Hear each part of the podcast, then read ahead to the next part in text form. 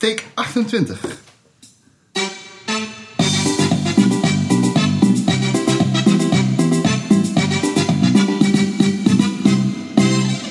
Ja, dames en heren.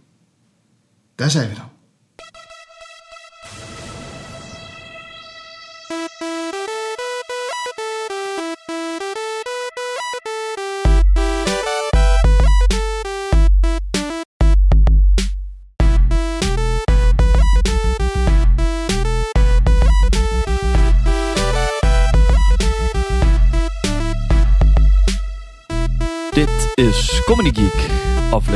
7.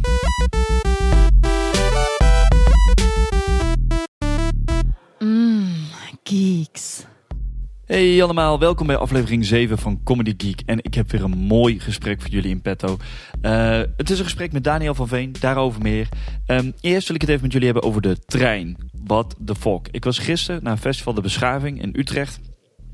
En het was volgens mij echt nationale, wij zijn nog nooit met de trein geweest dag. Ik weet niet waarom, maar wat is het toch met mensen die proberen door andere mensen heen te lopen? Ik bedoel, het, het is toch, inmiddels is het algemeen bekend dat dat niet kan. Maar dan, gaat er zo'n treindeur open en dan staan er allemaal mensen voor en die willen gelijk naar binnen. En dan willen ze die, andere mensen er niet uithalen. En ik snap het niet. Ik snap het niet waarom mensen dat doen. Dus eh, mochten die mensen luisteren, Ik eens aan een ander, doe even normaal. Doe even normaal. Laat eerst even die mensen eruit en dan kun je rustig naar binnen. En eventjes voor de duidelijkheid, ik stond nog aan de buitenkant. Hè. Ik moest nog naar binnen. Dus ik, ik, ik stond gewoon rustig te wachten tot mensen naar buiten gingen. En mensen die willen gewoon echt die beuken gewoon naar binnen. En dit zijn dan niet, niet hangjongeren die dat horen te doen. Want dat staat tenminste zo in een functieomschrijving. Dat doe je nou eenmaal als hangjongeren. Nee, dit waren gewoon echt mensen van 50, 60, whatever. Wie mogen gratis in de trein, omdat ze 120 zijn? Ik snap het niet. Ik snap niet waarom mensen dat doen. Maar goed, Festival de Beschaving, het was heel gaaf. Het was wel heel nat. Ik ben eh zeiknat geregend. Ehm, maar ja, dan mag de pret niet drukken. Ik moest ook, eh, ik ga, eh, ik ga eh, binnenkort weer wat andere dingen doen. En dan moet ik, daar heb ik een, een, kabeltje voor nodig. En dat kabeltje, daar kon ik ze niet zo snel aankomen. Dus heb ik via, via, via, via, via, via geregeld dat ik een kabeltje kon halen bij iemand. Een HDMI, een mini HDMI eh, kabel is het eigenlijk. En die kon ik ophalen gisteravond. En daar was ik heel blij mee dat dat kon.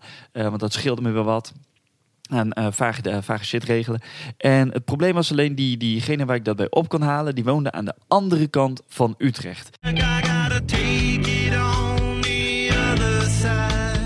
En eh, net op het moment dat ik daar naartoe moet, besloot de, de, de, de, de, besloten de weergoden dat het maar eens opgehouden moest zijn met zachtjes regenen.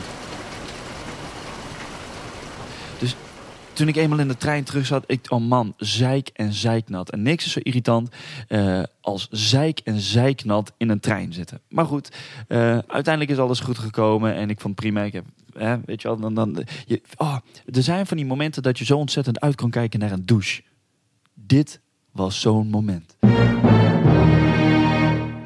Maar goed, ik was thuis en vandaag heb ik een beetje een, een, een chill dagje. En eh, ik heb vanochtend, ik, ik heb namelijk, eh, want ja, ik ben geek. En eh, ik dacht van, ik moet op een gegeven moment wel een beetje mijn geekkennis bij spijkeren. En ik was vroeger altijd een grote fan van Star Wars. En, maar, en niet van Star Trek. Dat, dat is hetzelfde als dat je bent of voor de Beatles of voor de Rolling Stones. Zo is dat hier schijnbaar ook zo. Je bent of Star Wars fan of Star Trek fan. En ik heb Star Trek nooit echt gekeken. Dus ik had zoiets van, weet je wat? Eh, die series, daar is natuurlijk ontzettend veel. Eh, dat, dat zijn er ontzettend veel. Daar ga ik niet gelijk aan beginnen. Laat ik eens beginnen met de films.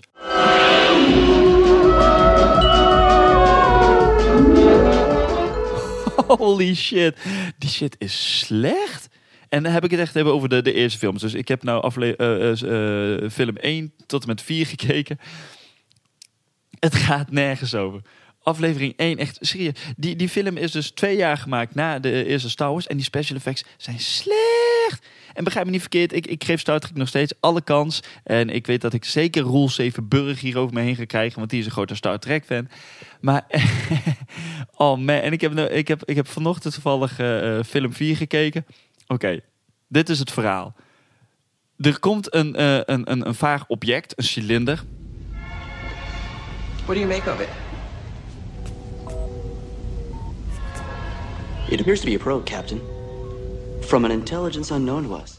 Weet je wel, waarom zou het ook een cool iets zijn? Nee, gewoon een cilinder komt naar de aarde en daardoor flikkert eigenlijk alles uit en verdampen de oceanen. En ze zenden een of ander geluidssignaal uit. Hello, is it me you're looking for? En niemand weet hoe en wat. Nou, waar komen die boys van eh, de, de Starship Enterprise, eh, James T. Kirk en zo, waar komen die achter? Het is het geluid van walvissen. Maar in de 23e eeuw zijn walvissen uitgestorven. Dus, wat doe je dan? Dan ga je terug in de tijd om walvissen op te halen. Ja, dit is het verhaal. Dus die mensen die gaan terug in de tijd om daar twee walvissen op te halen. En dat is de film. Ja, ik, ik, zou dat ik, ik wou dat ik er meer iets over kon zeggen. En ik geef het echt nog een kans. Ik ben zo ook van plan allemaal te gaan kijken. Want ik vond de, de allerlaatste uit eh, 2010. Vond ik op zich echt wel cool. Maar eh, ja, weet je wel. Nou, nou worden er ook wel eens films uitgebracht dat je denkt: van, Jezus, wat een slecht verhaal. Batman and Robin. Maar dit, terug in de tijd gaan. Dus dan moet je tijdreizen uitvinden om walvissen op te halen. En dan brengen ze. oh, dan ga ik het spoileren. Stand down, team. This spoiler's been quarantined. Heck of a job. Hoezo spoilen? Iedereen weet dat het goed eh, eh, afloopt. Uiteindelijk komen ze dus terug met twee walvissen. Die dumpen ze in het water ergens. En dan is het allemaal goed. Die, die walvissen die beginnen te zingen. Een klein visje in En dan eh, heeft die grote cilinder... Heeft hij, oh, oh, ik hoor het al. Ja, walvissen. Mooi, check. Nou, dan ga ik er weer van tussen. En dat was het. En dat vond ik eh, apart. Op zijn minst. Op zijn minst. Maar goed, ik geef het toch allemaal kansen. Ik ga die andere films ook netjes kijken. En uiteindelijk ga ik ook gewoon aan die series eh, beginnen. Waarom niet? Oh, wat een slokje koffie. Ah, lekker zo'n zo'n rustige zondag chilldag. En zo moet het ook zijn af en toe. Helemaal niks mis mee. Ehm, het gesprek van vandaag is met Daniel van Veen. Daniel eh, ken ik eigenlijk ook via, via, via, via. En eh, Daniel is onder andere cabaretier, maar hij is ook pianist en hij is ook producent. Eh, hij, heeft, eh, hij zat vroeger in het uh, eh, Gel, waarmee ze zo'n casino podiumprijs hebben gewonnen. En, maar sindsdien is, heeft hij zijn, zijn eigen solovoorstellingen. Hoe en wat, dat zal allemaal in het gesprek blijken. En, maar dat is wat hij doet. En dat is heel cool. Dat doet hij zeker niet onverdienstelijk. En ja, wat, wat, wat zal ik nog meer zeggen? Hij, hij doet eh, ook af en toe als eh, pianist. Dus niet alleen zijn eigen programma. eh, maar ook als pianist. En hij doet wat regiedingen. Hij heeft natuurlijk ook een open podium opgericht. Dat heet Bies. En ook dat is ontzettend gaaf. Dus check dat uit. Ehm, oh, ik zit net te denken. Ik moet eigenlijk de websites van de mensen die ik interview moeten... ko- Of interview? Oh, dat, dat moest er niet zijn, hè. Met wie ik gesprekken aanga. Die moet ik eigenlijk ook gewoon op de op eh, comedygeek.nl zetten. Dat is wel een goeie. Dat ga ik doen. Dus hopelijk als jullie dit nou luisteren, dan eh, kun je naar de comedygeek.nl gaan en dan iets. Oh, dat is de website. Nou, misschien ook niet. Misschien heb ik daar helemaal geen tijd voor. Eh, we zien het allemaal wel. Ik ga in ieder geval mijn best doen. Eh, wat valt er nog meer te vertellen over Daniel? Nou, ik denk dat Daniel dat zo meteen maar eh, moet vertellen. Ik vond het een heel, heel mooi gesprek. Ik, ik vond het wel geinig. Het is, Daniel is een hele rustige gozer. Hij, in het begin is er vallen er veel mooie stiltes. En er is ook niks mis mee. Ook stiltes zijn goed. Iets wat ik eigenlijk wat harder tegen mezelf moet zeggen. Omdat ik nogal de neiging heb om continu door te gaan. Maar zo zit ik in elkaar. En af en toe moet ik ook zoiets hebben van... Ja, dat is zoals ik ben. En daar is ook op zich helemaal niks mis mee. Ehm, oh, en voor de eerste keer errata. Want ik heb vorige keer gezegd dat Wilco Terwijn bij de Comedy Explosion zat. En eh, dat schijnt hij al heel lang niet meer te zitten. Of tenminste niet, niet eh, eh, officieel of officieel. Weet je wat, ik weet het ook eigenlijk niet. Ik kreeg gewoon een, eh, een, een mailtje. En daar stond van... Hé, hey, eh, Wilco Terwijn zit helemaal niet meer bij de Comedy Explosion. En eh, toen had ik zoiets van... eh, oh, en nu weer een eh, slokje koffie. Ah. Maar goed, dat, eh, dat was het. Ehm, mochten jullie nog eh, steeds vragen, mailen, recepten. Ik heb een verschrikkelijk leuk recept gekregen. Daadwerkelijk voor brownies. En, eh, dus eh, daarvoor dank. Ehm, ik weet niet, ik, ik moet nog een oven kopen. Ik heb helemaal geen oven. Ik moet er zo echt... Ja, want brownies in een pan, dat, dat gaat hem niet worden. Dus ik moet even een overcheffen om überhaupt die brownies te kunnen maken. Eh, voor de rest stuur nog steeds jullie, eh, jullie ideeën op voor mensen die jullie in, eh, in Comedy Geek willen hebben. Met wie jullie zoiets hebben van, nou, daar moet Ramon maar eens langs gaan met zijn microfoontjes. En gezellig aan de keukentafel daar eens mee gaan praten. Doe dat nou eens, Ramon. Doe dat nou eens. En ik ga echt serieus, ik ga mijn best doen om dat voor elkaar te krijgen. Ehm, eh, verder nog iets? Nee. Ik denk dat ik het hier gewoon eventjes lekker bij ga laten. En eh, eh, wens ik jullie veel plezier met het gesprek van eh, Daniel van Ween. Eh, zo. Nou, we zitten weer eens aan de keukentafel. Welkom. De keukentafel staat dus in de woonkamer. Ja, maar dat maakt niet uit. Nee. Dat is, dat is allemaal eh, onderdeel van de charme. We zitten wel op een hoekje. Af en, toe- en het is een mooi hoekje, Daniel. Het is echt, ja, prima hoekje. Lekker, lekker. Ja. We zitten ook goed aan de koffie. Je hebt echt een mooie plek hier. Ik vind het echt cool. Vooral dat, eh, dat uitzicht bij balkon, dat, eh, dat bootidee, dat vind ik... eh, Ja, ja dat, dat werkt wel. Ja. Ja, nee, ik woon hier al 11 jaar. Dus dat is, dat is toch best wel lang voor een huis, vind ik. Ja, ja op zich wel. wonen. Ja. Maar het is zo'n fijn huis. Lekker licht. En, Ja, en wat, wat mij vooral valt, het is gewoon Amsterdam. En ik ken Ja. een aantal huizen in Amsterdam. En dan, dan verwacht je gewoon een, wat, wat, ja, een soort bezemkast met uitbouw. ja. Tjal. ja, dit is best wel eh, groot toch Dit eigenlijk? is best wel groot voor... eh, Ja. En ik heb ook hele leuke buren. Dat was vorige week weer. Want ik speel dus ook je piano hier. Echt Mhm. de piano. En eh, ik ben ook toonlanders aan het studeren. Dat doe ik wel op het keyboard voor de zekerheid. Eh, ik had een keer... Nou ja, dat is... Veel geluid. eh, ja, dan oh ga ik echt een half uur toonlanders doen. Leuk. Dan hoort, het hoort de hele buurt hier. Maar ik had, eh, ik had een tijd... eh, ik had twee maanden niet gespeeld. En toen kwam, de, kwam ik de buurvrouw op straat tegen. Die zei van... eh, waarom speel je zo weinig? Want ik werk thuis. En ik, ik hoor het graag. Dus was ik weer begonnen. En eh, toen kwam ik er vorige week tegen. En toen... Ik, ik ben een beetje klassiek ook aan het eh, studeren.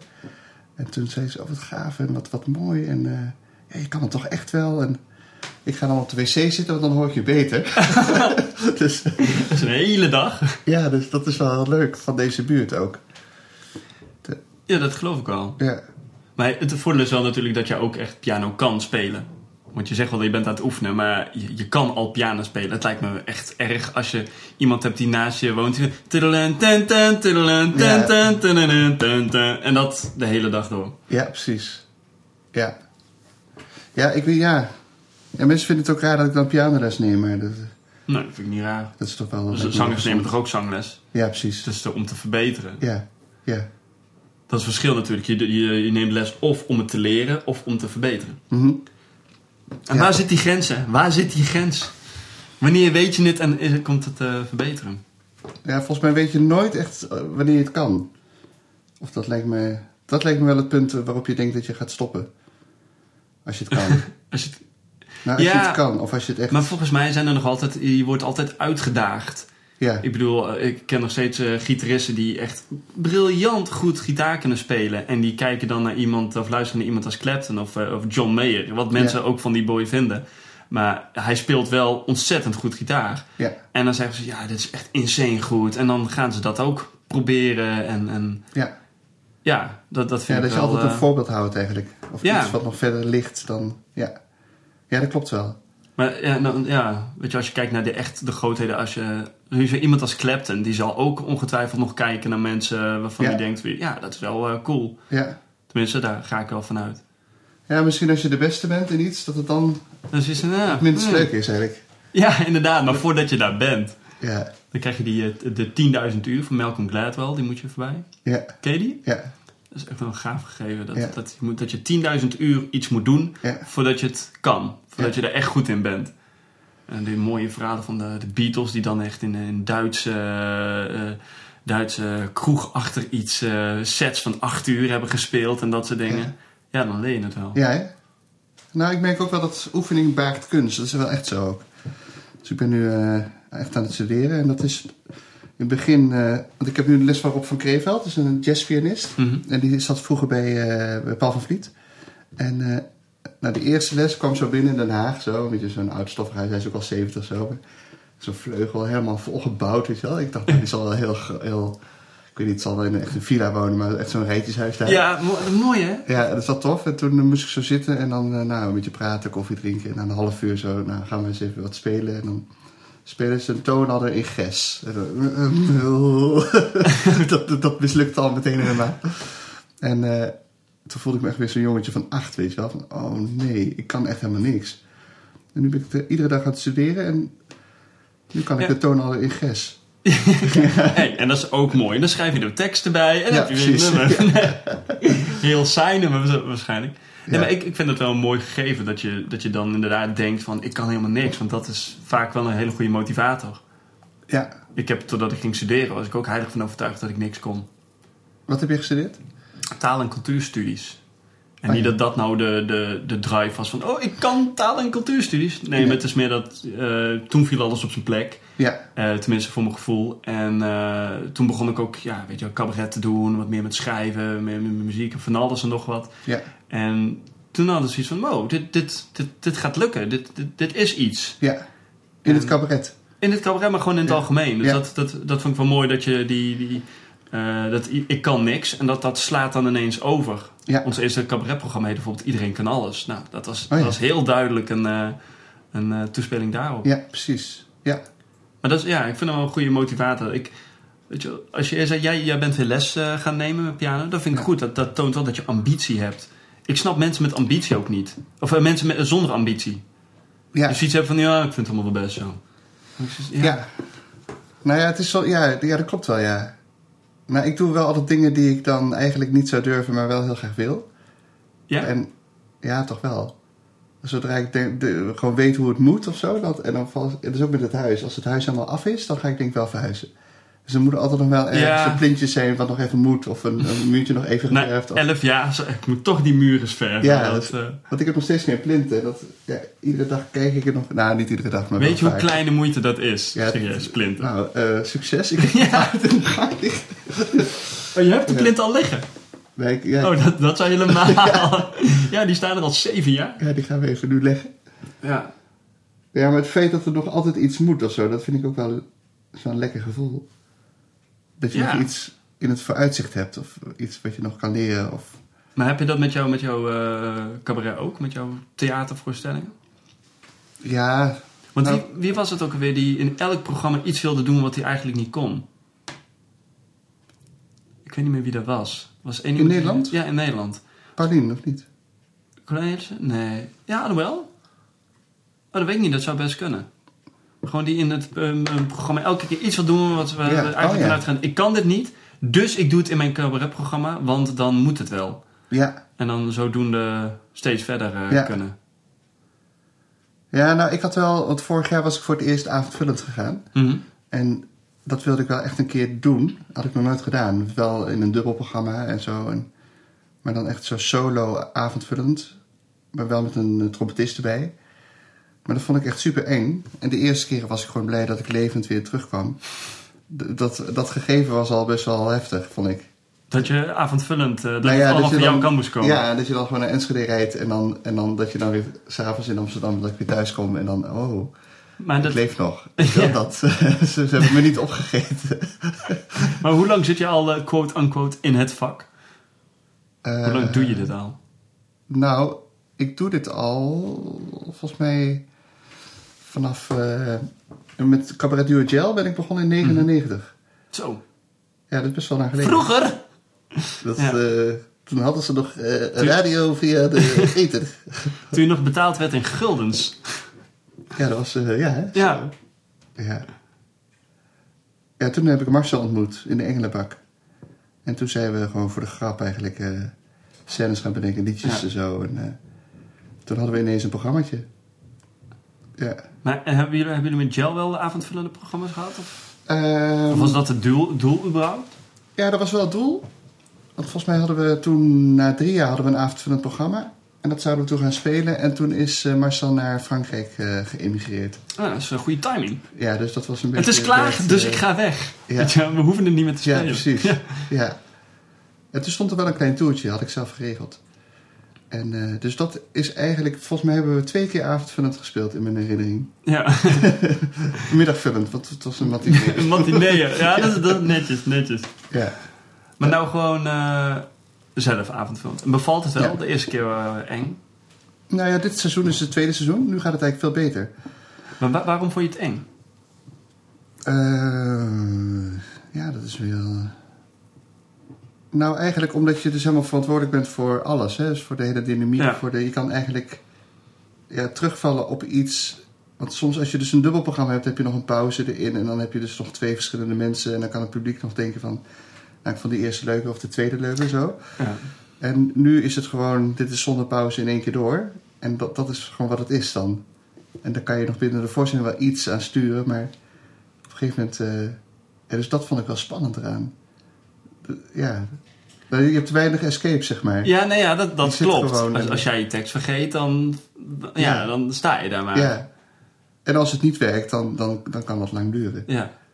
Maar vind je het dan ook niet mooi dat je juist met avondvullend dat je je kan er toch wat grotere lijnen in zo'n eh, Ja. voorstelling stoppen. Je kan eh, echt van ja wat, wat wij vroeger al, altijd zo noemden was stapelcabaret. Dus dan heb je op een gegeven moment een grap en als je die uit context haalt, dan is hij aardig. Ja. Maar als je die op de juiste plek zet, dan is hij hilarisch. Maar alleen de truc is, als jij, als jij echt als, als stand-up comedian maar een kwartier de tijd hebt, dan komt dat moment Ja. voor hilarisch voor die grap, die komt niet. Omdat dat gewoon in een kwartier niet lukt. Daar Ja. moet je een hele context voor eh, scheppen. Wat niet hetzelfde is als een verhaal, maar Dat klopt, dat klopt, ja.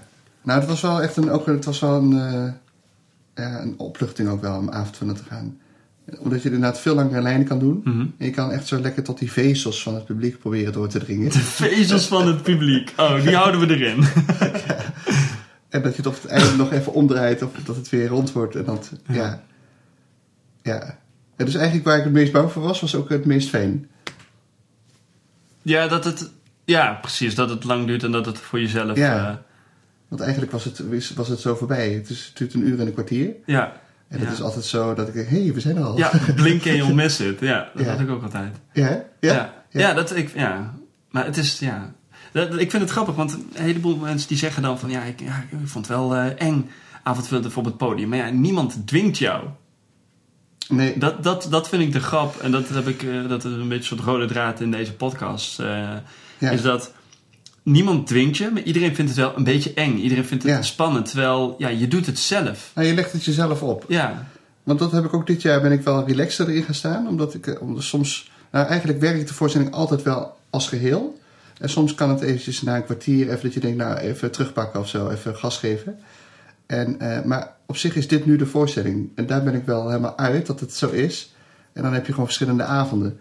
Ja. Soms, eh, als je dan, eh, we stonden drie keer in Bellevue, nou, de- dan zijn zulke verschillende avonden. Maar het programma is hetzelfde. Dus da- daar ben ik nu wel achter dat soms ja, werkt het gewoon iets minder of, of opeens heel goed, weet je wel. ja de ben truc is om te vinden waardoor dat, eh, waardoor dat komt. Ja, dat klopt. Maar ik ben er nu, nu niet meer zelf zo door van slag. Dus dan soms denk ik, oh ja, dan rijd ik naar huis. Dit moet ik even zo doen. Dan moet ik, ik moet even iets eerder dat doen. Of gewoon iets laten kijken. Het zit soms ook in een blik of zo. Dat ik Ja. even een intentie heb die, die denkt, "Mm, oei, hier ga je even smieren. ja, maar dat ik dan, ik ben er nu minder door van slag eigenlijk. En wat ik ook heb ontdekt, is dat je niemand vraagt hoe het gaat eigenlijk. Na de voorstelling bedoel je? Of, eh? Ja, wel in de zaal of zo, maar dan rijd ik gewoon naar huis en dan kom ik weer thuis en dan eet ik een boterham, ga ik gewoon slapen en dan sta ik weer op. ja. En als ik nou dat 100 keer doe, of 300 keer of 10 keer, het maakt helemaal niemand wat uit. Ja, ja. Ja, behalve mezelf maakt Ja, het tuurlijk. uit. Ja.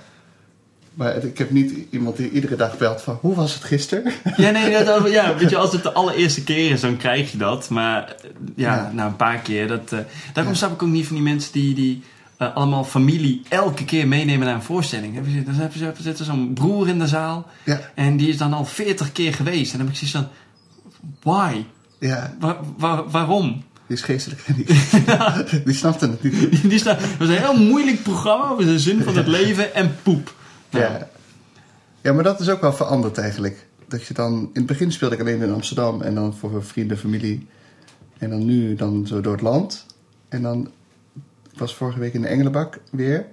En dat was dan wel heel spannend. Weer voor allemaal vrienden en familie. Nou, de familie was er niet, maar wel vrienden. ja. En dat is dan opeens weer heel confronterend. Want dan, dan zien ze je weer, eh, eh, dan ben je toch weer een soort naakt eigenlijk. Ja, want dat is, je bent dan een ander soort hoedanigheid. Want in het begin Ja. dan ben je dan de, de, de, binnen de vriendengroep ben je de artiest. Of, of degene die op dat moment op het podium staan. Als er meerdere artiesten in die vriendengroep zitten. Ja, En eh, dus dan speel je voor hun. En dat is duidelijk wat, eh, wat, het, wat het idee is. Ja. ja, en dan speel je door het land. En dan kom je terug. En dan ben jij veranderd. Alleen zij zien jou nog steeds op dezelfde manier. Ja. Je- ja en dan is het ineens van... Oeh, dit is... Dit is ja, Hetzelfde is dat op mijn werk, dat ze vragen van, eh, doe eens een stukje. Ik zeg, ja, nee, dat, dat, dat werkt zo niet. nee, je schilder is een, eh, stuk deze muur eens even. Als je Ja, ja ik zeg, Dat is- jij bent toch wielrenner, hè? Fiets eens een stukje. maar, maar ook gewoon, in, ik zou niet graag voor mijn collega's op willen treden. Nee, Met alleen maar mijn collega's. Want zo'n zo'n zo'n proces van hoe je dingen maakt, hoe je grappen maakt, of je liedjes Ja. of wat dan ook. Dat ontstaat gewoon gedurende een, een tijd. Ja. En dat, dat be- beseffen ze niet. Maar zij zijn erbij terwijl dat proces gaande is. Dus soms dan vertel je zo'n grap die je dan spontaan verzint. Mhm. En eh, dan moeten ze lachen. En ja, in een andere vorm kan die weer in een programma terechtkomen. ja. Nou, wat ik wel heb, ik weet niet of je dat herkent, maar soms zeggen mensen wel eens tegen mij dat ik dan aan het werk ben of zo, als ik een grap maak. Terwijl dat is eigenlijk, ik, ben dat, ik heb dat juist niet zo heel erg. Ik moet heel erg mijn best doen om het te onthouden. Of, eh, Maar schrijf jij, als, jij iets, als je iets vertelt, gewoon in, bij, bij- met vrienden of hoe- waar dan ik ook, schrijf bijna nooit iets op eigenlijk. dan moet je wel doen. Want Ja. volgens mij was het, was het niet Ronald? Shit, dat Eh, moet ik die- doen. die, eh, ah, Ah, dit- dat is het! Eureka! Nee, volgens mij was het eh, Ronald eh, Goedemond die zei van het verschil tussen een, een, een, eh, een comedian of cabaretier of wat dan ook en iemand die dat niet is, is dat een comedian zijn grappen opschrijft. ja, En ik vind dat er, is nog wel wat nou dan ben ik het niet. Maar, Maar, maar ik ben eh, ook meer natuurlijk, eh, ik schrijf meer liedjes ook natuurlijk. Ja, want hoe, hoe beschrijf je jezelf? Want op je site staat eh, cabaretier, pianist en producent. Ja, Ja, dat is nieuw. ja dat is dat nieuw. Ja. Maar als, als iemand jou vraagt van... je wordt voorstellen, dus Daniel, nou, wat, wat, wat doe jij? Ja, nou, dan zeg ik dat ik dus optreed met een muzikaal cabaretprogramma. En dat ik eh, mensen begeleid op de piano. En dat ik eh, theaterproducties... eh, Oh, je- het is Produceer. ook echt zo'n drieluikertje. ja, dat, is, dat was echt een coming out namelijk. Vanaf januari ben ik... En nu is het moment voor een spannend muziekje. Ja, Casiootje erin. nou, ik zat er namelijk een beetje mee van, omdat ik al die dingen wel doe Mhm. en ook heel leuk vind. Alleen het beeld naar buiten is soms misschien dat je gewoon, als ik een eh cabaretvoorstelling heb gedaan, dan ben ik een cabaretier Ja. en een zingende cabaretier. Of eh, ja, zeggen, mensen- sommige mensen zeggen, oh, het was wel toch wel echt meer singer-songwriter. Maar het is wel Nederlandstalig dan. Maar als ik dan weer iets heb... Zinger, liedjeschrijver? Ja, Zanger? zanger. Zeg, zeg ik nou zinger? Zinger. zinger. En een zingster. Ja, zo heb je... Zanger, liedschrijver. Ja, dat, nee, singer-songwriter klinkt dan wel beter. Ja, hè? Maar als ik iets heb georganiseerd, dan, dan ben ik eh, organisator. In hun ogen dan, hè? Ja. Ja. Nou, ik heb dat eh, van Bram geleerd. Die zei dat hij eh grossier in antieke kunsten was. Welke Bram? Bram van Meulen. Oh, ja? En omdat hij ook gewoon een tv-programma maakte en schilderijen en een boek schreef en een plaat maakte en een, theaterprogramma en iemand regisseerde en les gaf, weet je wel. Ja. Dus die heeft dat gewoon voor zichzelf ook. Hij zei van ander- laat andere mensen maar gewoon een titel daarvoor bedenken. Op, ja, op het moment dat hij een televisieprogramma maakt, is hij tv-presentator. Of een cabaretier die een tv-programma maakt. Of een schilderende cabaretier die een. Ja, Ja, dat is ook de vraag wat je... Je, ho- je hoort het wel eens als eh, een, eh, iemand die heeft al twintig jaar een, een zangcarrière, ik noem eens wat. En die dan lijkt hij ook te schilderen. En een heleboel mensen hebben zo'n ja, oh, nou moet hij ineens gaan schilderen. Of nou moet hij ineens gaan acteren. Of weet je wel. Terwijl ik zoiets heb van, ja, volgens mij is, dat gewoon het aard van het beestje. Dat als je eenmaal iets ergens helemaal voor gaat, op creatief vlak, ja, dat, dat beperkt zich niet tot specifiek dat vlak. Ik kan me, ik, als ik voor mezelf mag spreken, ik, zelf heb het, ik ben graag creatief bezig. ja je dat de ene kant met websites en met Ja. spelen. fotografie, noem het maar Ja. op. En dat vind ik gewoon, dat hoort... Ik maak daar geen onderscheid. Dus het is gewoon creatief bezig zijn. En de ene, Ja. keer is dat met tekst, de andere keer is dat met beeld, de andere keer met, ja, wat, wat dan ook. Ja. Ja. Nou, het is gewoon de vorm die, eh, die eh, verschillend kan zijn. Dat maar is dat, dat is bij jou dus ook gewoon, wat, wat ben je en hoe presenteer je jezelf? Ja, het is wel, de rode draad is dan theater. En, en op het toneel en, en, en in de coulissen sta ik. Een theatermaker. Ja, maar het- theatermaker dat denk ik meer aan toneel of aan, aan, aan jonge makers, denk ik dan Ja. weer, hè, zeg maar. Maar het is wel echt puur amusement wat ik doe. ik vind het heel mooi. Het is- puur amusement wat ik doe. En dan kan je het zelf in de lach schieten. Ja, Nice, nice, nice. Ook al van. de coming out. Ja. Ja, Nee, maar het is natuurlijk wel... Als je meerdere dingen doet, rotte hoe je presenteert. Wat zei je? Dat? Als je, als je meerdere dingen doet, dus in jouw geval eh cabaretier, producent en eh, eh, pianist, is hoe je jezelf presenteert. Omdat mensen dan toch weer een onderscheid willen maken van ja, maar wat is hij nou? Ja. Ja, ik ben denk ik wel moeilijk te, te vatten daarin. Dat, is, dat kan ik me wel voorstellen.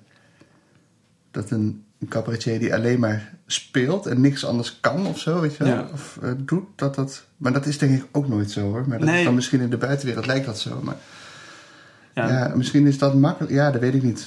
Maar ja, dat heb ik maar gewoon losgelaten. Want ja, Het maakt ook niet uit. Het is, mensen kunnen zelf kiezen waar ze voor... Als ze op jouw website komen, dan komen ze met een bepaalde idee van... Nou, ik heb hem gezien en of dat nou als producent is of pianist of cabaretier. Dus oh, oké, dat doet hij ook. Ja, Want, want zelf had ik dat heel erg. Ik heb dan voor elk project of, of, of rol een eigen... ehm, nou, niet rol, maar voor elk project een eigen, eigen site.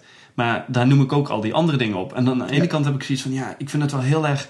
Het komt zo padschicht over van dit doe ik ook en dat doe ik Ja. ook, dat doe ik. Maar aan de andere kant heb ik zoiets van... Ja, maar ik doe het wel. ja, Dus moet ik me dan moet ik het niet melden en dan mezelf eigenlijk in de voet schieten? Want ja, als je dan opdrachten wil krijgen, dan is het ja, via een verscheidenheid en manieren kunnen ze, kunnen ze je vinden. Dus ik, ik, ja, ik weet niet, dat balans is. Ik, ik heb hem nog niet gevonden. Ik ben er nog niet uit hoe die. eh, Nee. Nee, maar dat was dus wel, eh, wel nieuw, dat ik dat gewoon heb gemeld. Want als producent vind ik eigenlijk dat je onzichtbaar moet zijn. Dus dat je dan... Tenzij iemand een producent zoekt. We lopen overal te zoeken naar producent. Die Ja. mensen zijn niet te vinden. Ja, Nou, ik werk eigenlijk alleen voor mezelf. Dat is ook heel erg egoïstisch. Maar ik heb wel heel veel productiewerk gedaan, maar dat vind ik niet zo... Ik vind het wel leuk om eigen projecten te, te, te doen. Dus Zoals Bies.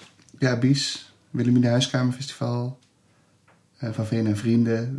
Dat zijn een soort grapjes allemaal, maar het loopt een beetje uit de hand. Ja, en dat, dat, dat zijn leuk. De leukste grappen lopen uit de hand. Ja, Maar zeggen, want Bies is een eh, open podium voor eh, cabaret of kleinkunst. Ja, het try-out podium Of voor try-out. cabaret, kleinkunst en stand-up comedy. Oh, kijk. Nou, dan zou ik me ook eens eh, aanmelden. Dan moet dat doen. Dan wat te doen.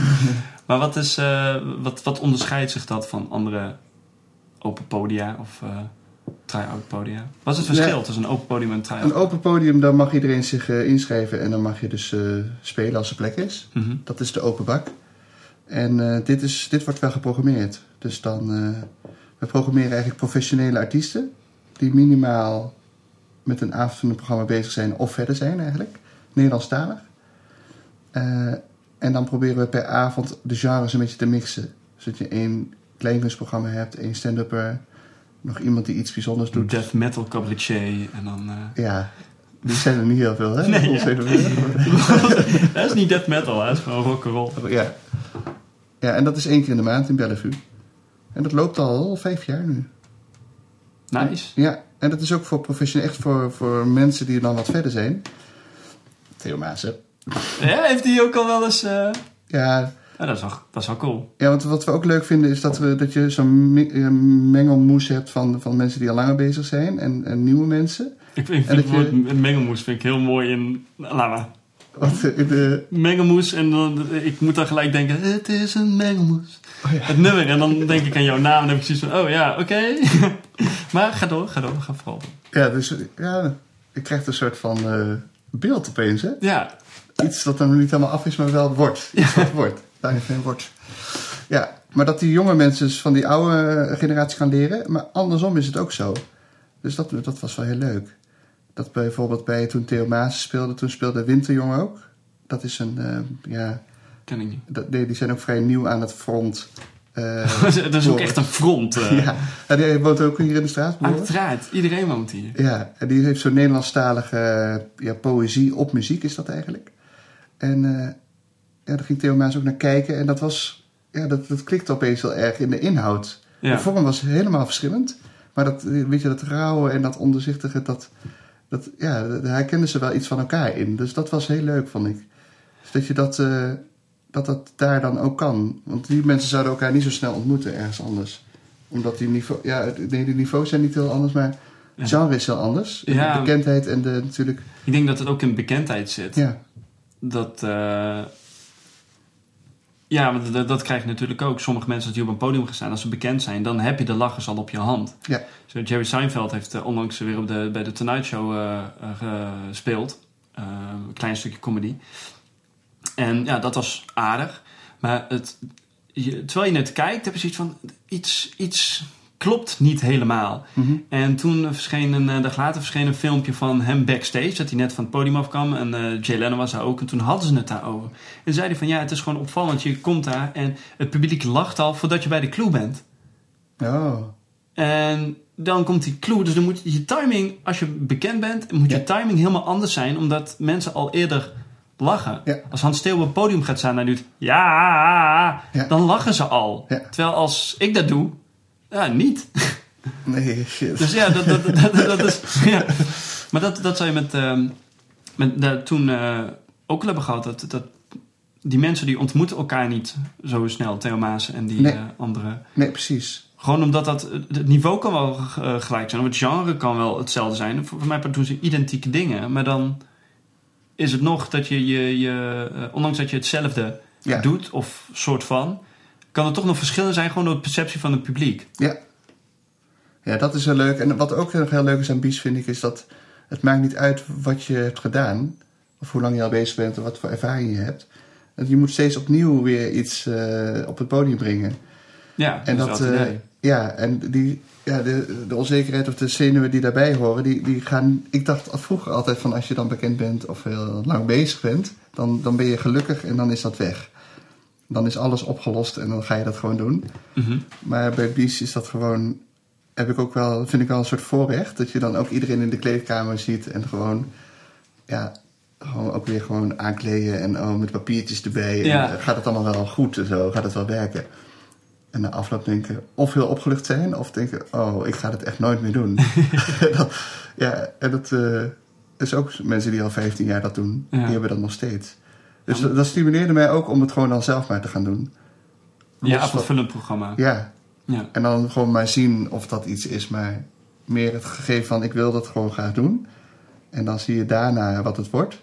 In plaats van de censuur al van tevoren te leggen, weet je wel. Van, Ja, klopt. Ah, ah, misschien wordt het niks. Ach, ja, ik zie ook wel, maar wel. Ja. En, eh, maar, en, en is het gelukt? Ben je nu tevreden? Ben je nu gelukkig? Zeg maar met, het, eh, ja, met je voorstelling en hoe het, hoe het loopt? Ja.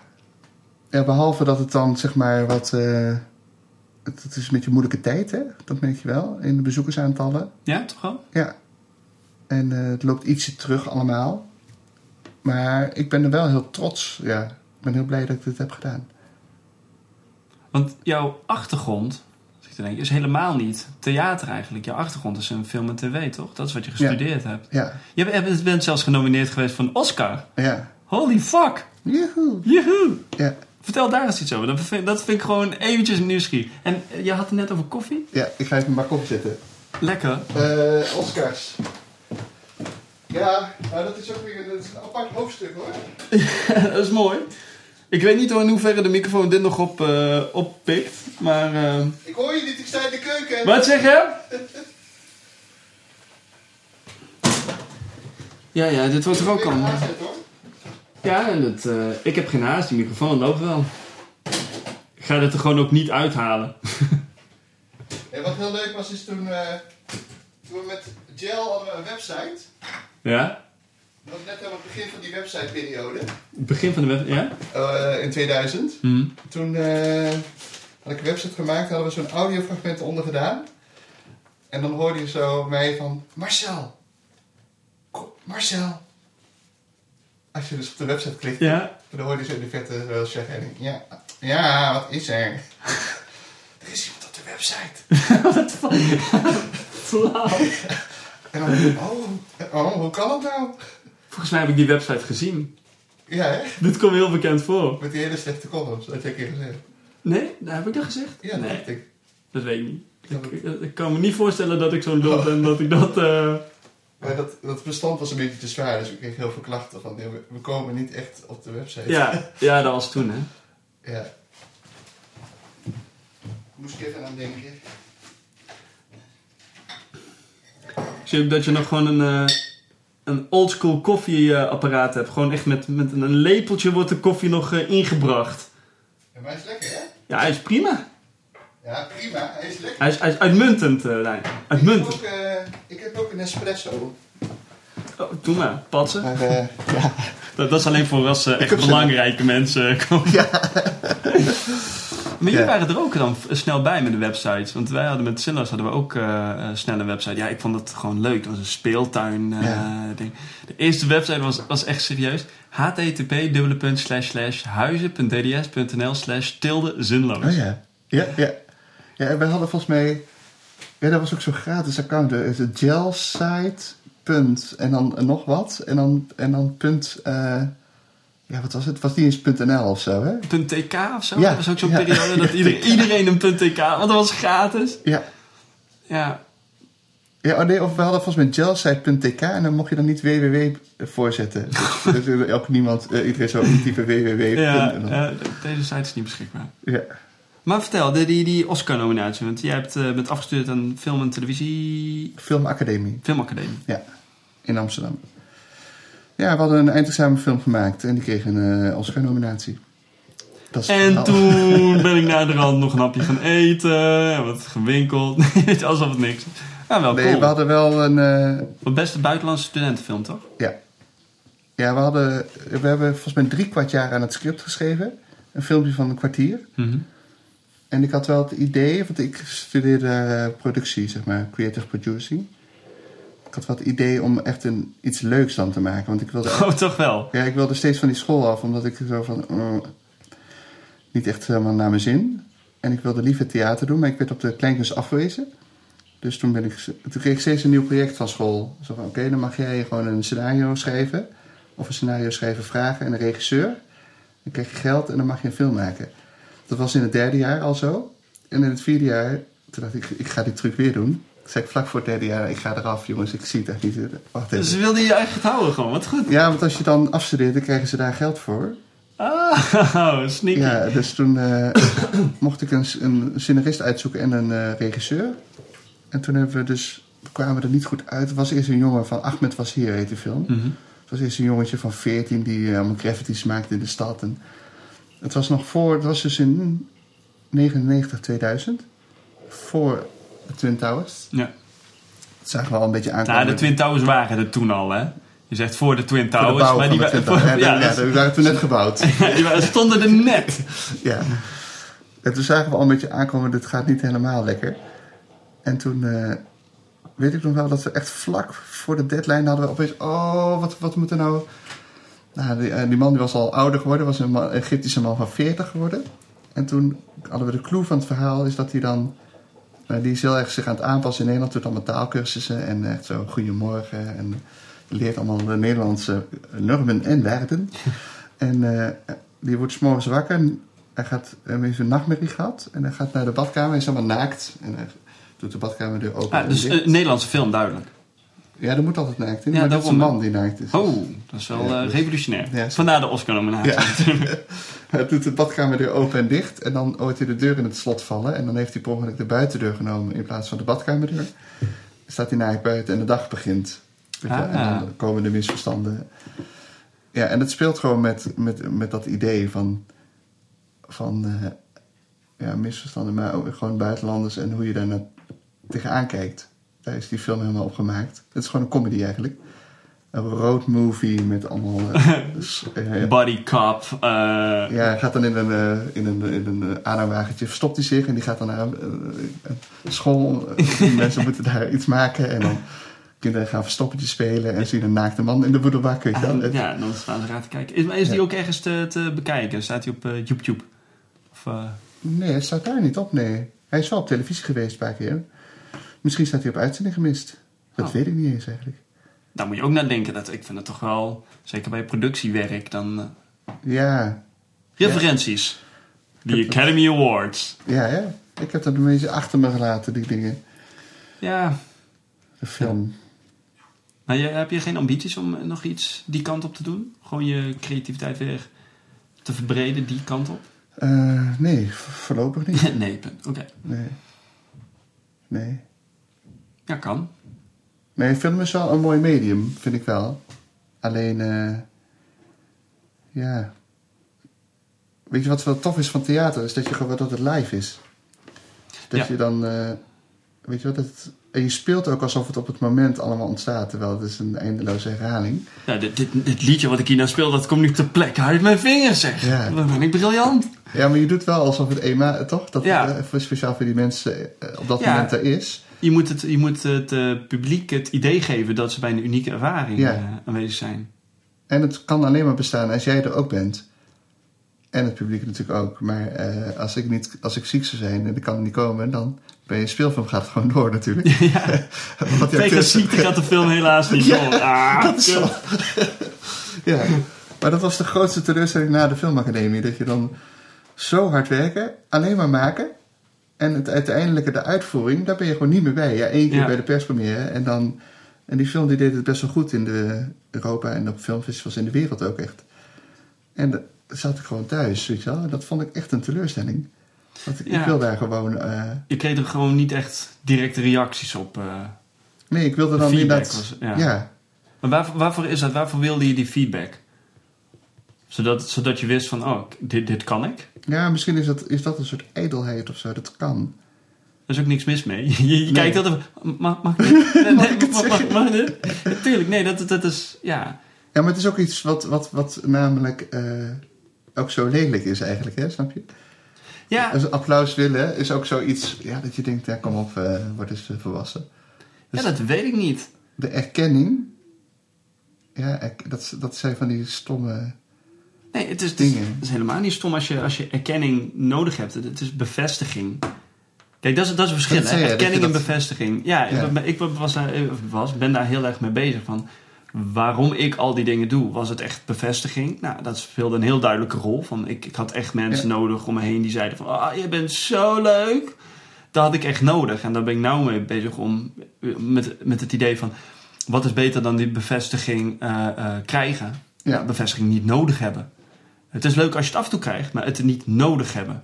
Maar dat is een verschil met, eh, met erkenning. Als mensen het gewoon Ja, leuk vinden en dat ook vertellen. Maar het, het gaat gewoon puur om hoe jij daarmee omgaat. ja het is, bij mij is het volgens mij een rare behoefte om te weten wat het publiek eh, vindt. Dus dat is, want als ik iets produceer, dan sta ik, zeg maar, dan sta ik niet zelf op het podium. Mhm. Dus dan heb ik eigenlijk dat best wel goed in de hand. Dus dat je dan, bij, eh, bij Bies of zo, bij het Huiskamerfestival, dat je, dan, dat je dan ook weet hoe het publiek zich gedraagt en hoe dat, zodat iedereen eigenlijk een goede avond heeft.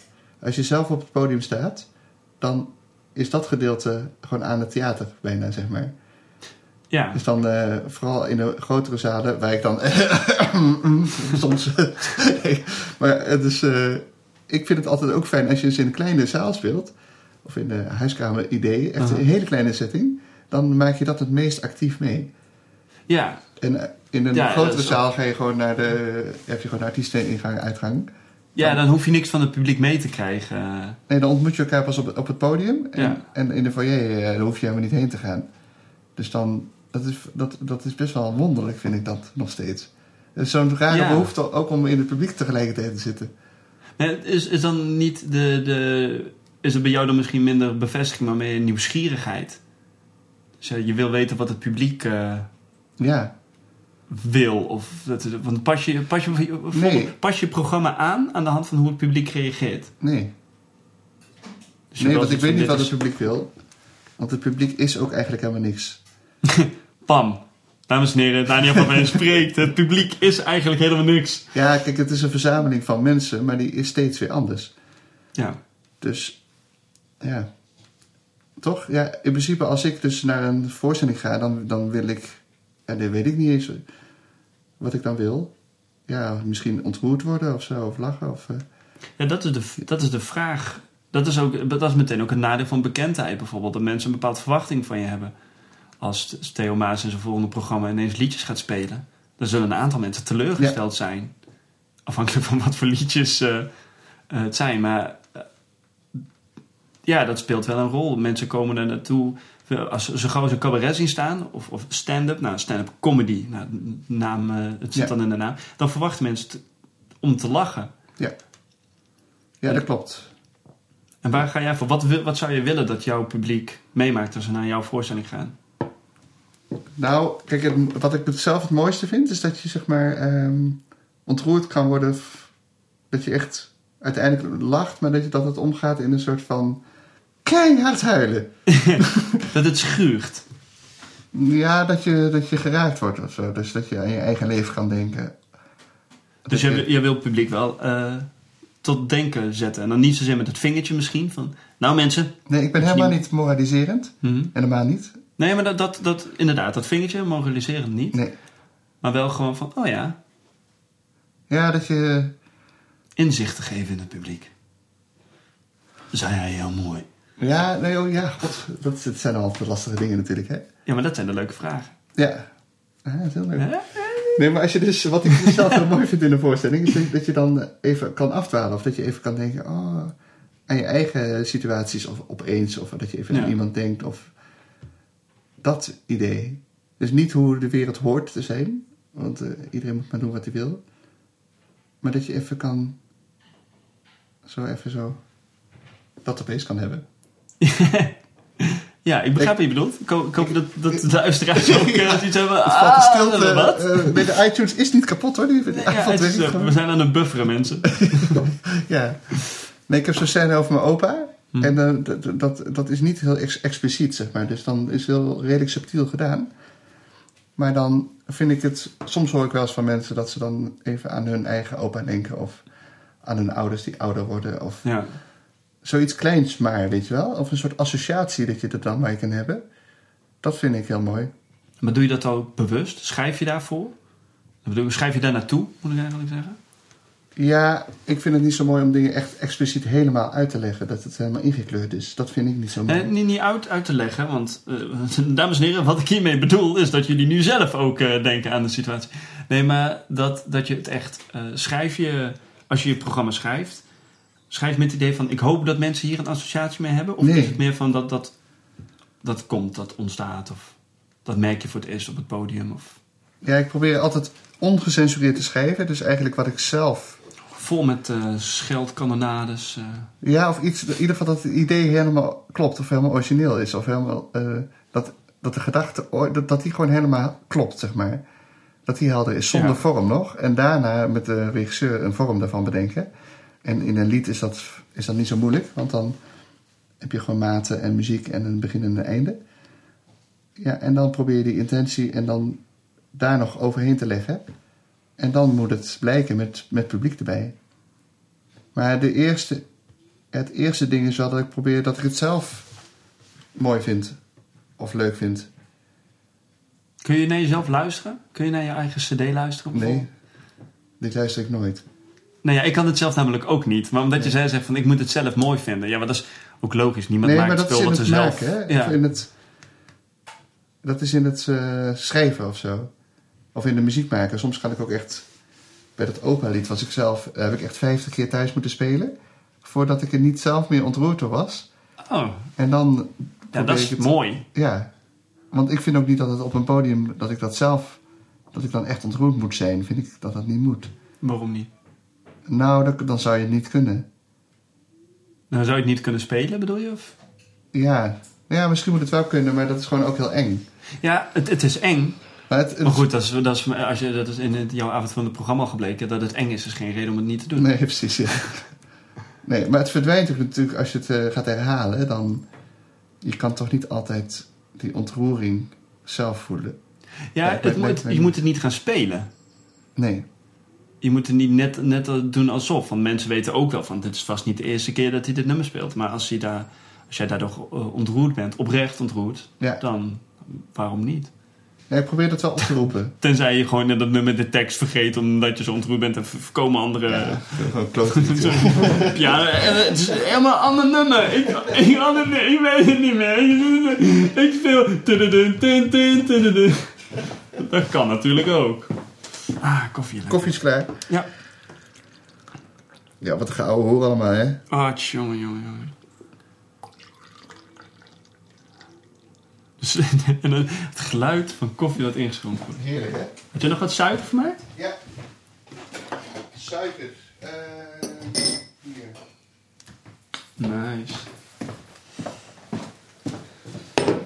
Maar jij, oké, dus je bent op een gegeven moment ga je, eh, ben je afgestudeerd aan eh, de filmacademie. En eh, je hebt zoiets van, ah, dit is het niet. Wat volgens mij een heleboel mensen hebben. Als ze, net als ze zijn afgestudeerd. Ja. Zo, diploma op zak. En dan ging je het totaal anders Ja. doen. Ja, Maar- kreeg ik vijven daarna. Oh. En toen heb ik besloten om gewoon helemaal voor theater te gaan. Want toen eh, ging ik nog wel optreden in de open bak met, met Marcel. Mhm. En daar was ik gewoon een week helemaal allemaal ziek van. Maar ik, ik hees mezelf het bed uit om een kwartier in de Oh, op die manier, ja. Ja, want ik lag gewoon echt met vijf echt in bed. Heel moe. En toen eh, gingen we nog wel gewoon repeteren een half uurtje thuis. En dan eh, naar de open bak toe met de taxi. Spelen. En dan meteen weer terug naar huis. En dat had ik ervoor over. Ja, precies. Maar dan, dan, dan is er passie. Ja. Dan, dan weet je dat je, het, dat je in je element bent. Ja. Ja, en toen dacht ik, als ik dit dan wil, en dan ook als ik echt, ik was echt redelijk ver heen in die. Het ging natuurlijk wel weer vanzelf over, maar ik was zo ontzettend moe. Dan kwam ik naar de filmacademie, was ik zo overwerkt. Zo hard gewerkt. Dus het was even een goede periode. En toen dacht ik van, eh, ik had toen wel twee banen, eentje bij de VPRO, eentje bij de SBS gekregen. En toen eh, heb ik allebei afgebeld. Dat vond ik heel stoer. Na Ja, de zomervakantie. Van eh, jongens, ik ga dat. eh, Ik ga het toch gewoon- niet doen. Nee, ik ga theater doen. En dat doe ik nu nog steeds en daar ben ik heel blij mee. En dat is gewoon lekker een hele lange weg. En ja, ik vermaak me daar heel goed in. Maar jij doet er verder niks naast, toch? Of Nee, ik leef hier helemaal van. Ja, Ja. van piano spelen en eh, produceren en spelen. ja, dat is mooi. Want dat is, dat is natuurlijk een nadeel als je het, je, je, je passie niet kan doen. Of dat je concessies moet doen in je passie. Het is best een Ja. luxe positie die je hebt. Dat je rond kan komen van de dingen die je eh, leuk vindt om te doen. Nou dat is ook gewoon, dat heb ik ook echt wel besloten hoor. ik heb besloten dat jullie mij allemaal heel veel geld gaan geven met shit die ik wil doen. Want ik wil ook eten. Nou, in het begin werkte ik in de Engelenbak en dat heb ik toen al bij, als bijbaantje heb ik toen opgezegd. En dat was best wel eng, omdat je dan daarna helemaal geen geld eh, meer hebt. Ja. En toen dacht ik, heb ik wat rondgestrooid van, eh, voor bedrijfsoptredens te doen. En dat duurt dan even een half jaar. En toen opeens kwamen er wat opdrachtjes zo. Ja, en je moet er ook voor over hebben dat je dan even wat minder eh, te besteden hebt. Ja, Ik ben nog steeds niet heel rijk, behalve dat ik in een Milmerhuis woon. Gewoon heel ja dat is goed, eh, goed voor elkaar. eh. Ja. Ja. Nee, maar als ik nu dood zou gaan, dan... Zo denk ik soms wel eens, van, zijn er dan dingen die ik nog graag had willen doen? Of dat, dat je dan spijt hebt? Of zo, ik heb Ja. geen, geen spijt dat ik iets niet heb gedaan. En dat vind ik volgens mij wel het belangrijkst. Ja, dat, dat zegt ze ook, hè. Dat je hebt... eh, spijt heb je meer van de dingen die je niet hebt gedaan... dan van de dingen die je wel hebt gedaan. Ja, ja precies. Uiteindelijk. Ja. Moet heb jij alleen- spijt? Wat zeg je? Heb je spijt? Er zijn wel dingen die ik, eh, niet, eh, die ik anders had willen doen of anders had gedaan. Maar ik, ik heb geen spijt van hoe mijn leven op creatief vlak, zeg maar, hoe dat is verlopen. Nee. Want ik vraag me af wat het, hoe het anders was gegaan. Want eh, Als je andere keuzes had gemaakt. als ik andere keuzes had gemaakt. Ik weet namelijk niet of dat ik een persoon zou zijn die eh, alleen maar eh, op zou, zou kunnen treden. Alsof dat het enige is. Sommige Nee. mensen zeggen ook van waarom, waarom, waarom zeg je je baan niet op en word je fotograaf? Ik zei ja, omdat ik er niet aan moet denken om, om vijf dagen in de week te fotograferen. Alleen maar dat. Ja. Om ergens puur voor te gaan. Dus het zou voor mij altijd een mengelmoes, Ja. eh, mengelmoes zijn van, van die dingen. Ja, En ik ja. heb het altijd eh, fijn gevonden om er een baan naast te hebben, die, die zekerheid Ja. toch. Maar misschien is dat ook wel eh, angst dat ik het niet, nooit heb gedurfd. Dat ik Nou, niet ja. ja. zat van ja, ik spring in het diepe en eh kijk, eh, met, met ook van wa- wat, wat was er gebeurd als we allebei onze baan hadden opgezegd en er volledig voor waren gegaan? Ja. Wie weet waar we dan eh, zouden zijn. Ja, ja als. Ja. Nou, Ja, een als, vriend van mij die zei dat heel leuk. Die zei van, eh, er zijn ook gewoon mensen die gewoon... Want ik zei, ja, ik, het lijkt mij heel moeilijk om gewoon helemaal 40 uur per week in loondienst te werken. Dat, dat, ik, weet, ik zou niet weten hoe, ik dat, eh, hoe dat moet. Dat heb ik eigenlijk ook nog nooit gedaan. Maar hij zei toen van, ja, maar andere mensen die dat wel doen... die vinden het juist weer heel moeilijk om gewoon freelance te werken. Ja. Die weten dat weer niet of zo. Dus het is eigenlijk niet meer of minder. Nee, het is, het is gewoon ook een andere stijl. Het is een andere insteek. Ja. Want mensen, als je niet freelance bent, dan denken mensen: oh, freelance dat is fijn, werken wanneer jij het wil, lekker uitslapen. Maar een freelancer, die, die moet werken om geld te verdienen. Dat klinkt heel raar, maar als je in loondienst zit Ja. en je voelt je een dag wat, wat minder, nou, dan verzet je je agenda een beetje. Maar dat salaris, dat komt binnen. Ja. Oké, die moet een andere dag misschien wat harder werken. Maar bij een freelancer is het zo, als jij niet werkt, is er geen geld. Ja. Zo simpel is het. Dus daarom zal een freelancer zal eerder op rare momenten toch gaan werken of een langere dagen maken. Omdat, ja, Ja. weet je, nu heb ik het misschien heel druk. Maar het kan zijn dat ik volgende week ineens helemaal geen werk eh, krijg. En dat is ook die wisselwerking. Maar andere mensen begrijpen het hele artiestenvak niet. Van eh, elke avond hetzelfde. Dat, Ja. dat, maar ja, weet je wel, elke, elke jaar verander jij nog eens van programma. Ja, En dat zal iemands werk, is dat, ja... Ja. Het, is, het is gewoon hoe je je leven insteekt. En ik weet ook niet waar ik over vijf jaar ben. Of wat ik, wat ik dan doe. Of ik dan nog bij dezelfde ehm, werkgever zit. Of ik, ik bij een andere. Of ik ben voor mezelf begonnen. Of ja. ik weet het niet. Ik, ik, Weet je wat ik denk, hè? Doe, doe het eens zeg. Ja. Eh, weet je wat ik wel, soms wel wonderlijk vind? Dat, zeg maar, dat je de... Mensen zijn altijd heel nieuwsgierig naar de achterkant van... eh, als mensen op een podium staan, hè? Mhm. Dat dat, en dat is zo vaak in een taboe. Of zo. Ik ben nu die biografie van Tony Hermans aan het lezen. Ah, Net aan begonnen.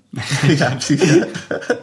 en eh, dat, dat, dat, zo'n fascinatie van wie is hij dan echt? En wie vertelde hij dat hij was? En is dat allemaal wel zo? Dat wordt echt in, in dat boek... In het begin wordt dat zo even ter discussie gesteld. En dan, ja, ik ken hem ook uit deze verhalen. En, oh ja, en dan, ik heb allemaal mensen geïnterviewd. Eh, maar de, de behoefte om dat te weten, dat is best wel wonderlijk eigenlijk. Dus moet jij niet gewoon ook eh, allemaal mensen, een bankier en een schilder en een gaan interviewen? Of Ja, is, dat, niet? is dat niet leuk? Nou, dat weet ik niet. Ik, ik denk het wel. Ik denk dat dat wel leuk is. Of zou je eigenlijk één rode draad moeten hebben met een onderwerp of zo? Iets dat... Nee, het is, ja, waar- waarom ik dit doe is omdat het, dat het mij eh, leuk leek om gewoon te kijken bij mensen die over het algemeen creatieve vlakken. Want het, het- de Ja. podcast heet Comedy Geek, zo noem ik eh, mezelf ook als het ware voor, dat, eh, voor deze, dit project, om het zo maar te zeggen. Ja, En de, dat oorspronkelijke idee was om dit hier, eh, eh, ja, dat eh, jolige dingen mee te doen. Nou, dat is uiteindelijk overboord gegooid en gewoon gesprek aan te gaan. En in het begin zal dat met, met cabaretiers en eh, comedians zijn, omdat dat gewoon mijn, mijn in eerste instantie vriendennetwerk Ja. is en kennisnetwerk.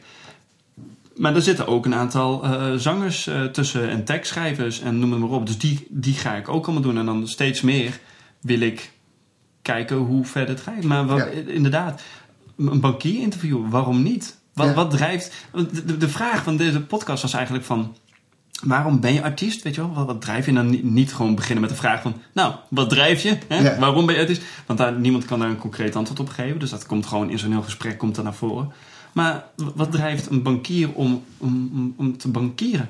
Is dat, is dat een... Is dat een maar nou de fascinatie voor geld verdienen, dat lijkt me, dat is iets wat ik helemaal niet heb. Maar dat, is, Ja, maar dat, dat ben is ik dus wel benieuwd naar. Dat is volgens mij één. eh, je, hebt, je slaat dus gelijk de spijker op zijn kop. Want volgens mij is dat wel een heel eh, groot iets. Mensen die echt carrière willen maken en dat eh, carrière zien als zijnde. je, wordt, je hebt een betere carrière als je meer geld verdient, of Mhm. meer macht, of een betere positie of wat dan ook. En bij artiesten is dat niet in die Nee. mate aanwezig. Nee. Als je veel geld wil verdienen, moet je sowieso niet het eh, artiestenvak ingaan. Want Nee. zeg je, ja, maar eh, weet ik veel, Jerry Seinfeld is ook een comedian begonnen en eh, verdiende op een gegeven moment 2 miljoen per aflevering of zo. Ja, na 30 jaar. Ja. En dan ook nog met veel mazzel, de juiste plek aanwezig zijn, Ja. de juiste mensen mee in aanraking komen. Het is allemaal Ja, dat alle kanten op kunnen gaan. ja. En dat, dat is het. Dat is Ja, nee, dat is, soort- ja, dat is inderdaad geen, geen doel op zich of zo. Het is wel lekker als dat gebeurt. Want dat kan natuurlijk wel. Er zijn natuurlijk heel veel cabaretiers die dat wel hebben. Ja, maar ik, dan heb je als je, als je eh, cabaretier wil zijn en je wil veel geld verdienen, dan denk ik dat je heel snel in dat eh, de bedrijfs. Ja. eh, ehm, hoe noem je dat? Bedrijfsoptredens segment valt. Want daar is gewoon goed geld te verdienen. Het is alleen dan. Dan doe je toch wel andere dingen. Dan, dan schrijf je je materiaal ook niet eh, generiek. Dan is het, eh, goh, vandaag hebben we een programma en dat gaat over een accountantskantoor. Ja, Omdat je bij een accountantskantoor bent, want dan slaat het natuurlijk ook nergens op. Maar ja, dat, daar, is, daar is leuk geld mee te verdienen. Maar dat is ook weer een keuze. Ja. Je kan het ook allebei doen, zo'n wisselwerking. ja ik doe het soms, zeg maar. Echt heel af en toe. Maar ik vind dat toch best wel moeilijk om te doen hoor. Ja, het is een hele andere In opdracht schrijven en eh, best wel pittig. We, hebben het ook gedaan. We hebben met, de met de Nederlandse perspresentatie van de Nintendo Wii... Ja. hebben wij opgetreden. En dan kregen we na schage allebei een Wii. Dat is wel gaaf. Dat was awesome. Overal was het ding uitverkocht. Hoe kom jij aan de Wii? Ja, gewoon van Nintendo gekregen. Zo haal jij dan. Nee, dat was, dat was gewoon heel cool. Maar dat, dat, is, dat is een andere insteek. Ja. En als je kijkt naar, eh, ik weet niet of ze nog bestaan, maar eh, Mier. Ja, die ken ik. Dat is toevallig Siebren die daar eh, met Oh, trompetist. nou, Die kijk. is daar de manager van en die speelt ook af en toe mee. Nou, kijk. Die Nou, bestaan eh, zeer levendig. die bestaan zeer, le- zeer levendig. Nou, Ja. dat is echt eh, volgens mij een groep die dat in die, dat die doen alleen maar dat. Ja. Ja, Maar ik weet nog dat hij met Deltion, eh, wij, wij presenteren Deltion, eh Mark en ik nog steeds. eh, ja, het is nou inmiddels gestopt. ja. Maar ja, het gaat onder een andere naam verder. Maar dat hebben wij echt ontzettend vaak gedaan. Vanaf 2003 hebben we het voor zo'n beetje elke keer gepresenteerd. En daar deed Mier ook een keer mee. En die kwam met een setup binnen. Dat ik denk van zo, jullie Ja. zijn niet pas een week bezig. Die kwamen echt met flight cases aanzetten. En Ja, en het eigen decor en Ja. zenders en ja. Ja. Ik heb ze nooit gezien, maar een keer op video wel. Maar volgens mij is dat wel, voor die bedrijven is dat ja, het, is, het is heel goed in wat ze, voor wat ze doen. Ja, En dat is het. Je, je kiest je niche.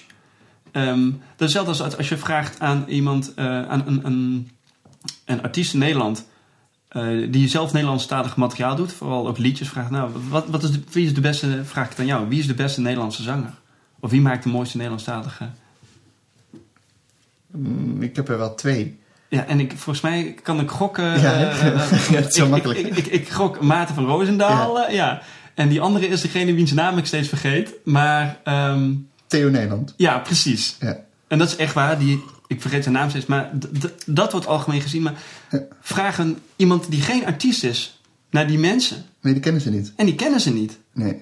En dat, dat is ook de gein in waar, waar kies je voor? Nou, dat vond ik wel knap aan Bram Vermeulen. Daar heb ik toen de eerste website voor gemaakt. En die ken ik via Shirin, en die eh, mijn, eh, mijn programma regisseert. En toen zijn we vrienden geworden. Maar toen, eh, ja, die speelde gewoon in België uitverkocht. En dat is echt een bekende een BV'er. Ja. In de Vlaming. Of nou ja, BN'er dan in België.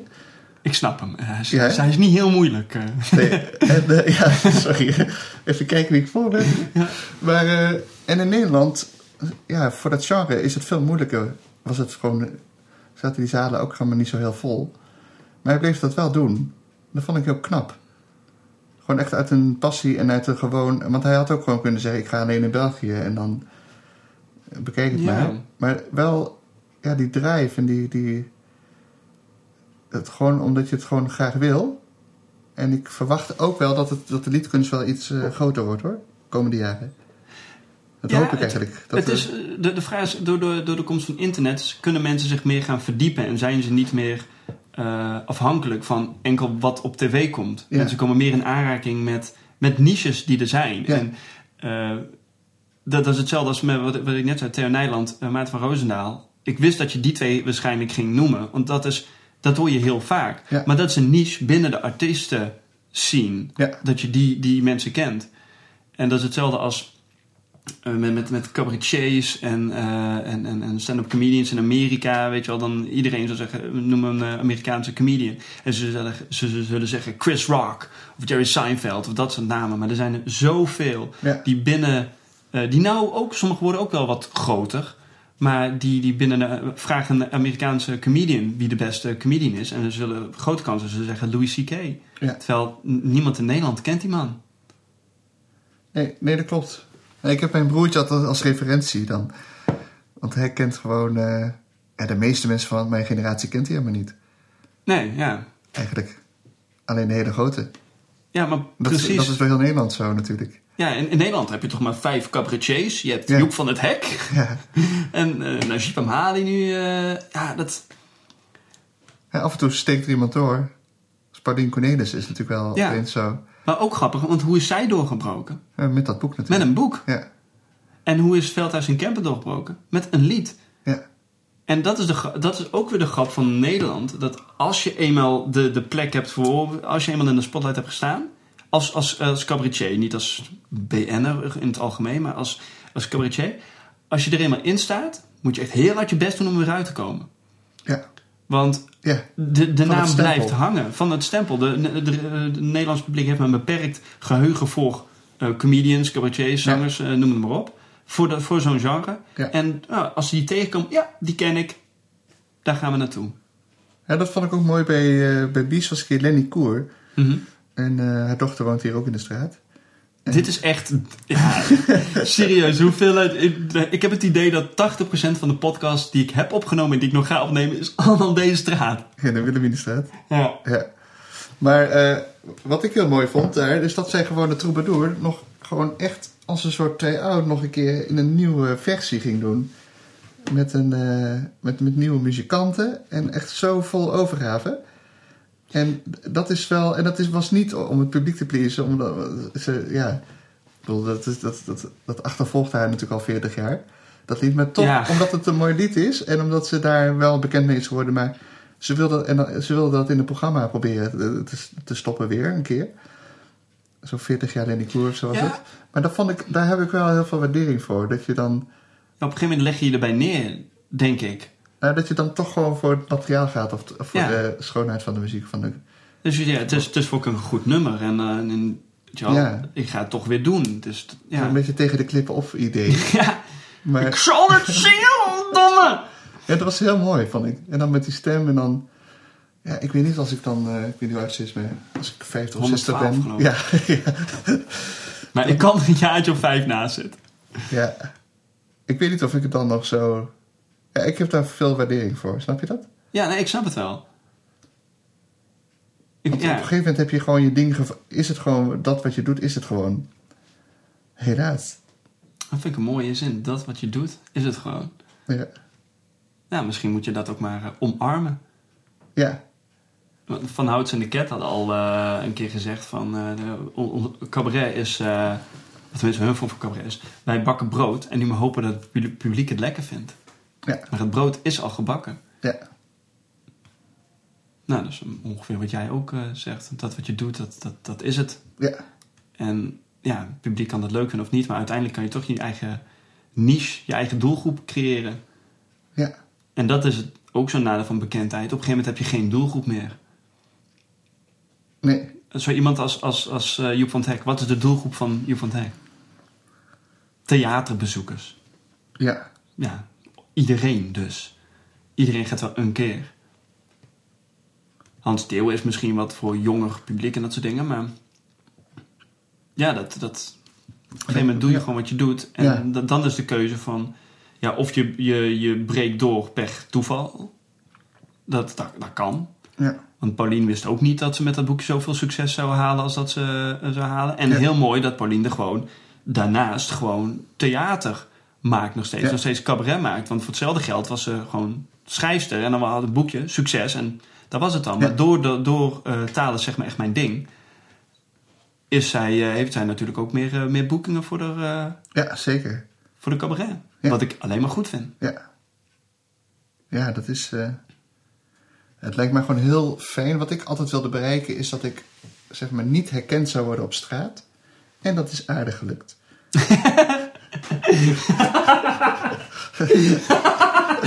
dat vind ik... Ja, dat is fucking briljant. Dus eh, je moet er niet te veel meer aan sleutelen, denk ik. Ik vind, ik vind het ook een mooi om eh, daarmee te eindigen. Dat, eh, we zijn nu een, eh, een uurtje aan het kletsen. ja, die koffie is inmiddels koud, hè? De koffie is koud. Oh, nee, die hebben we net al. Maar, Zijn ze nog wakker? Hallo? oh. nee, dat... Ja. Maar Daniel, bedankt voor het gesprek. En eh, ja, wie weet tot, eh, zoals Roel altijd zegt, eh, tot in het circuit. Yes, nu weer aan het werk. Nu weer aan het werk. Noes de arbeid. Verdomme.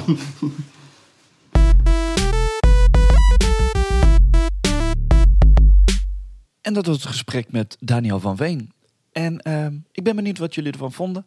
Dus eh, eh, laat vooral horen wat jullie ervan vonden. Eh, stuur berichtjes naar Reacties at comedygeek.nl of laat een berichtje achter op iTunes of, of, of Facebook of whatever. Eh, kijk gewoon, eh, ga ook naar comedygeek.nl. Daar kun je aanmelden, abonneren via iTunes en noem het maar op. En eh, weet ik veel. Je kan er ook trouwens terecht voor de Geek Connectie. Een, iets wat ik live doe bij de Comedy Huiskamershow van het Comedy Huis. Een, een wetenschappelijk, wink wink, presentatie over het onderwerp van dat moment. En eh, er staan er nu twee live op comedygeek.nl. Als je klikt op Prezo, dan kom je bij een presentatie. En die heet de Geek Connectie. Dus doe dat ook en laat weten hoe en wat. Misschien hebben jullie tips dat ik, eh, dat ik het eh, anders moet doen. Of ermee moet ophouden. Dat kan ook. Dan doe ik daar helemaal niks meer met die tip. Maar andere tips doe ik wel wat mee. Ik vind het gewoon leuk om te doen. Dat, dat is het. En dat was het dan. Dat was het dan weer voor de aflevering 7 van Comedy Geek. Over twee weken ben ik er weer. En dan eh, heb ik eh, te gast Christel Zweers.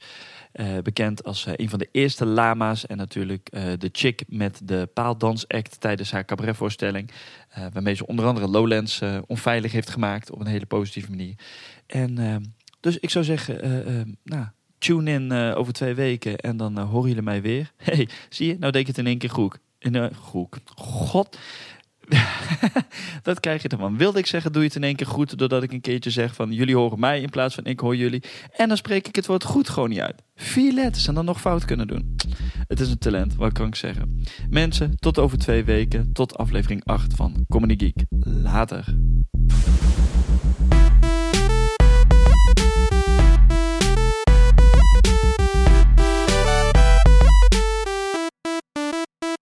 Ik zeg niet wat het is, maar het is een gaaf machine.